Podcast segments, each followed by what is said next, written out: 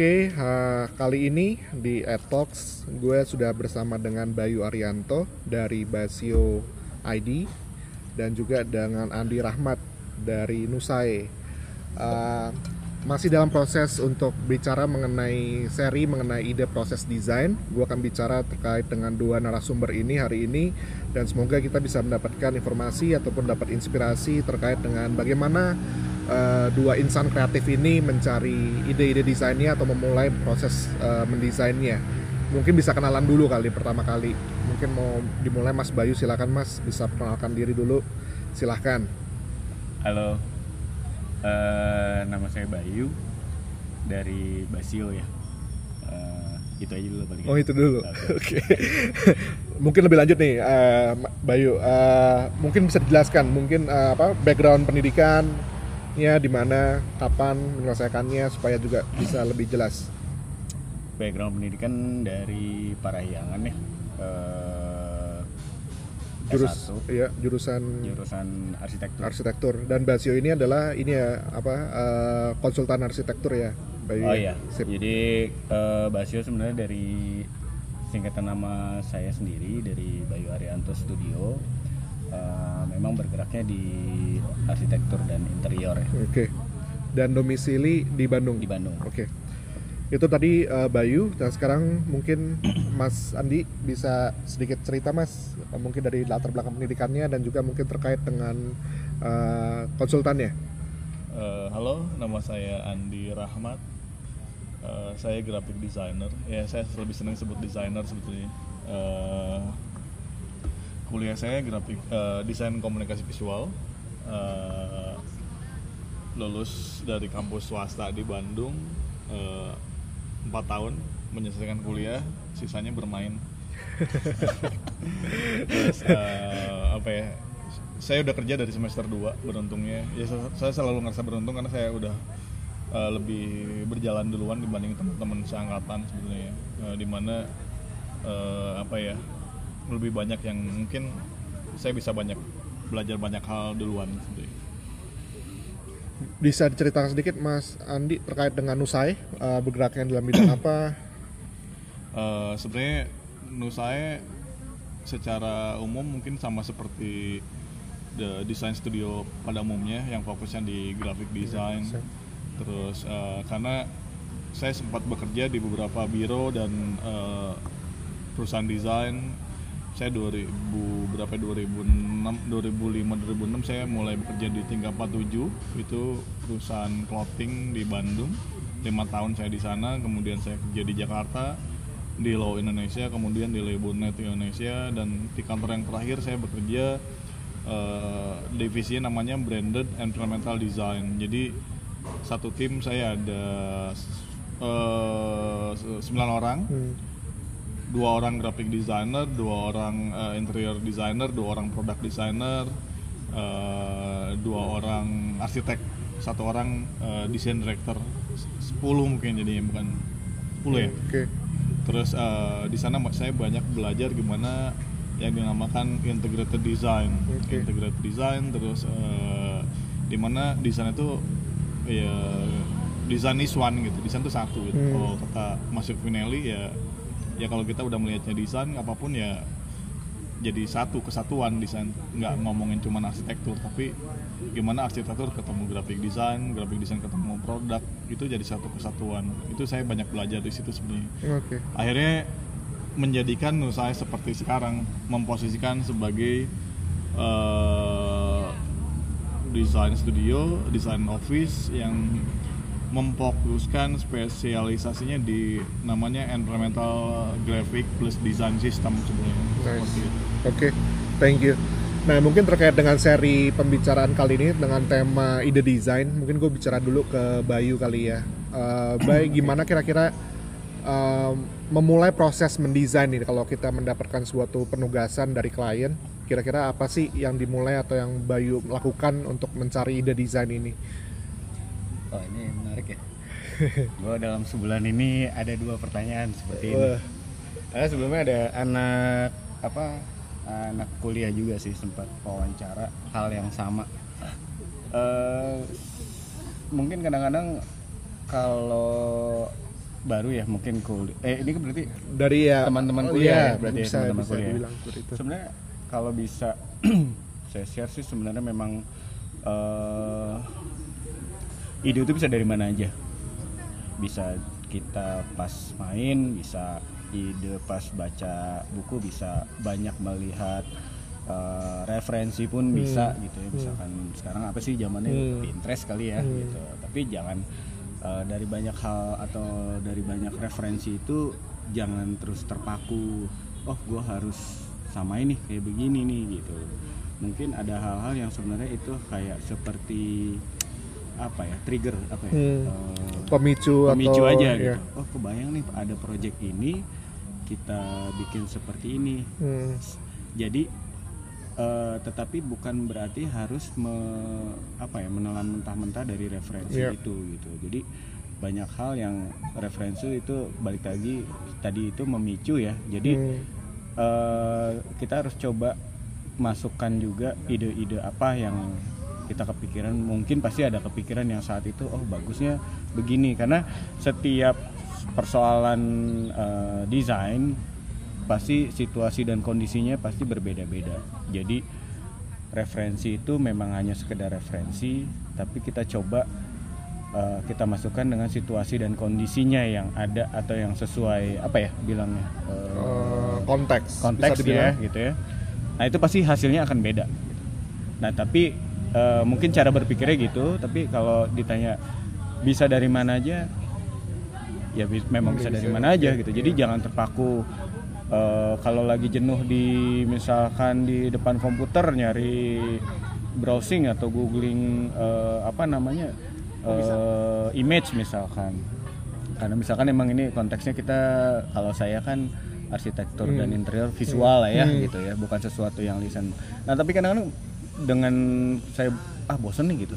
Dengan ngobrol sama orang terus atau main apa pun misalkan hobi apalah gitu. Misalkan sambil hobi jalan-jalan naik sepeda atau apa pun atau ngopi atau pokoknya keluar aja dari dari kebiasaan eh, kita mencari referensi saat itu itu sebenarnya juga bisa jadi satu hal yang eh, membuat apa ya bisa men-trigger lah gitu bisa men-trigger oh bagus juga ya ini dan itu yang biasa saya lakuin sih Oke. Mungkin juga sebagai gambaran ke teman-teman semua, kalau bisa lihat karya-karyanya eh, Bayu nih di mana ya? Instagramnya Bay atau apa ini bisa Di- di-share nggak di mana? at basio underscore id At Basio underscore ID. Jadi mungkin teman-teman bisa cek juga sekarang sambil mendengarkan eh, penjelasan dari Bayu ke Instagramnya at Basio underscore ID bisa melihat karya-karya Bayu di sana. Eh, cukup menarik sebetulnya dan sebetulnya ide itu kadang-kadang akan muncul di luar apa ya ekspektasi kadang-kadang bisa muncul banyak tambahan-tambahan baru kali Bay ya. Nah, gue Dari- tambahin. Iya. Nah, mungkin kadang-kadang kan kita kalau sekarang lah ya, eh, kita mungkin lagi trennya kolaborasi gitu. Jadi terkadang tuh ide itu akibat saling ngobrol kopi biasa gitu, yang sambil main tadi atau sambil nongkrong di mana, dan lawan bicara kita siapa gitu. Terkadang lawan bicara kita atau teman-teman terdekat kita ternyata punya potensial yang bisa membuat atau kita bisa berkolaborasi untuk membuat proyek ini lebih baik gitu.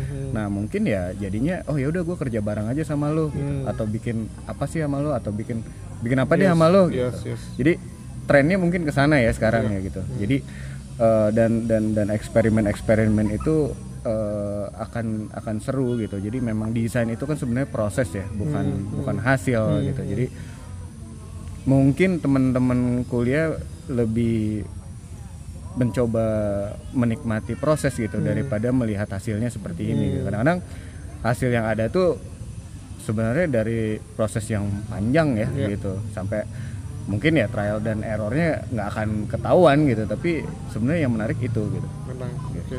Oke, thank you Bayu. Nah, mungkin sekarang lanjut ke Mas Andi terkait dengan bagaimana sih mencari ide desain atau proses dalam mendesain apa yang dilakukan, apa-apa yang dikerjakan bisa diceritakan sedikit.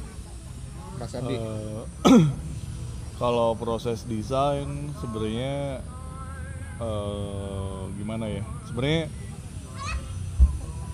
pasti kan masing-masing desainer punya caranya sendiri-sendiri karena yang terpenting juga dari desain adalah subjektivitas sebenarnya. Jadi uh, ide desain itu muncul sebenarnya dari apa yang pernah kita lihat apa yang pernah kita pelajarin apa yang kita sukain sebenarnya. Jadi uh, sebenarnya itu. Kemudian yang pasti kita harus lihat konteksnya sebenarnya. Kadang mungkin apa ya uh, desain kan ya ya cara cara berpikir. Misalnya desain tuh bukan bukan berarti kayak langsung melihat oh ini desainnya bikin kayak gini aja bukan kayak gitu. Justru sebenarnya proses desain itu sangat menarik karena apa ya desain itu terus berkembang sebenarnya nggak bisa. Justru ketika kita dapat satu project yang pertama lakukan adalah kita mencari konteksnya apa. Dan targetnya siapa gitu saya.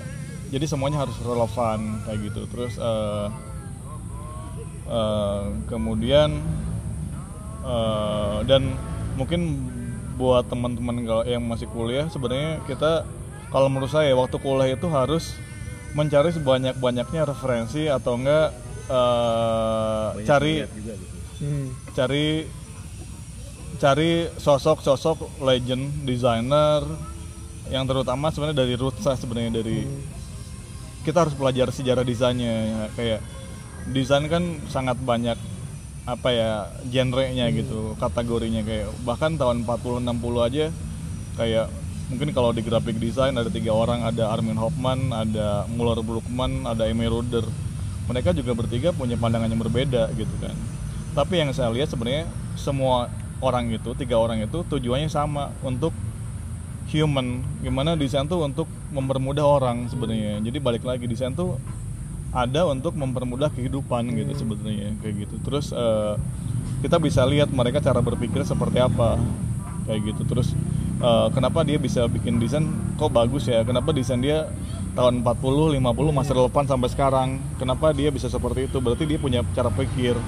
Dan tiap masing-masing mereka tuh bikin buku gitu. Terus uh, kayak Amin Hoffman bikin tentang uh, prinsip desain terus Muller Brookman bikin graphic design it grid in graphic design terus Amy Ruder bikin typography gitu. Gimana uh, menurut saya mereka sangat ya orang-orang jenius lah di era itu gitu. Terus uh, dan tujuannya untuk mempermudah kehidupan sebenarnya. Terus uh, balik lagi namanya inspirasi atau ide dalam sebuah proyek sebenarnya uh, balik lagi apa ya apa yang pernah kita lihat apa yang pernah kita uh, pelajarin termasuk mungkin selera kita sudut pandang kita itu yang menjadi uh, solusi dari sebuah saya mungkin kurang suka ngomongin project sebenarnya lebih ke apa ya kayak ada ada isu gitu. Akhirnya kita harus harus bikin solusi gitu karena desain kan mencari solusi gitu kan. Kadang uh, saya ada project kadang desainnya nggak perlu diapain. Ketika kita lihat oh isunya tuh sebenarnya nggak nggak harus ganti desain atau nggak hmm. kadang nggak perlu didesain juga gitu. Akhirnya kita coba uh, sentuh bagian-bagian yang sebenarnya bukan hubungannya sama, sama visual.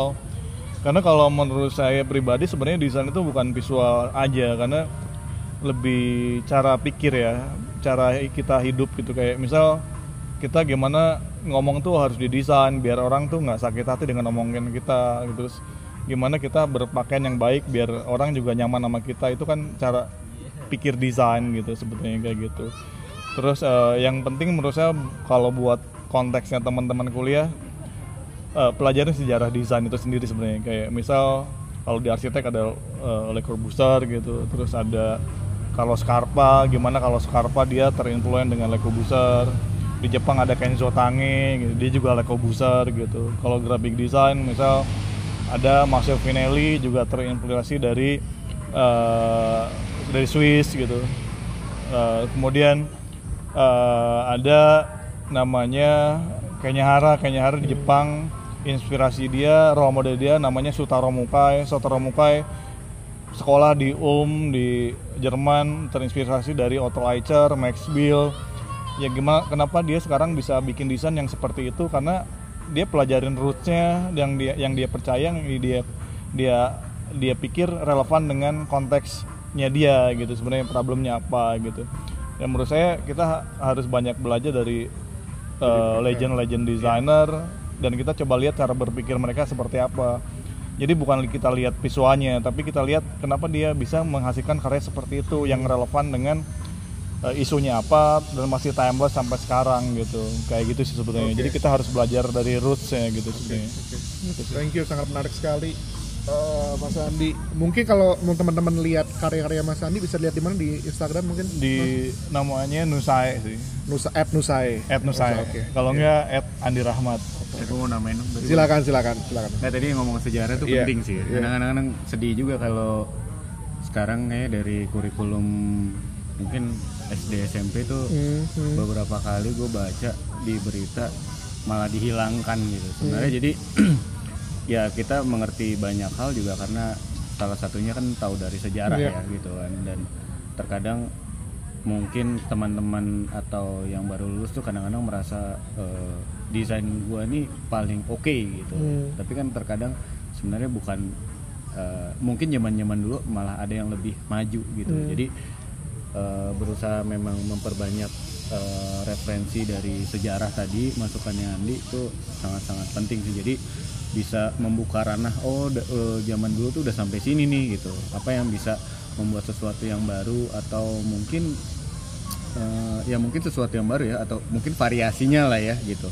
Kalau eh, dari dari hal-hal eh, yang baru kan kadang-kadang mungkin ada perkembangan zaman juga yang mendukung gitu mungkin salah satunya misalkan teknologi atau apa ya eh, software gitu kan itu yang membuat hal-hal baru gitu Material mungkin salah satunya. ya gitu tapi memang setidaknya referensi eh, apa namanya dari sejarah itu juga bisa menambah eh, apa ya knowledge Oke, apa ya bilangnya oke.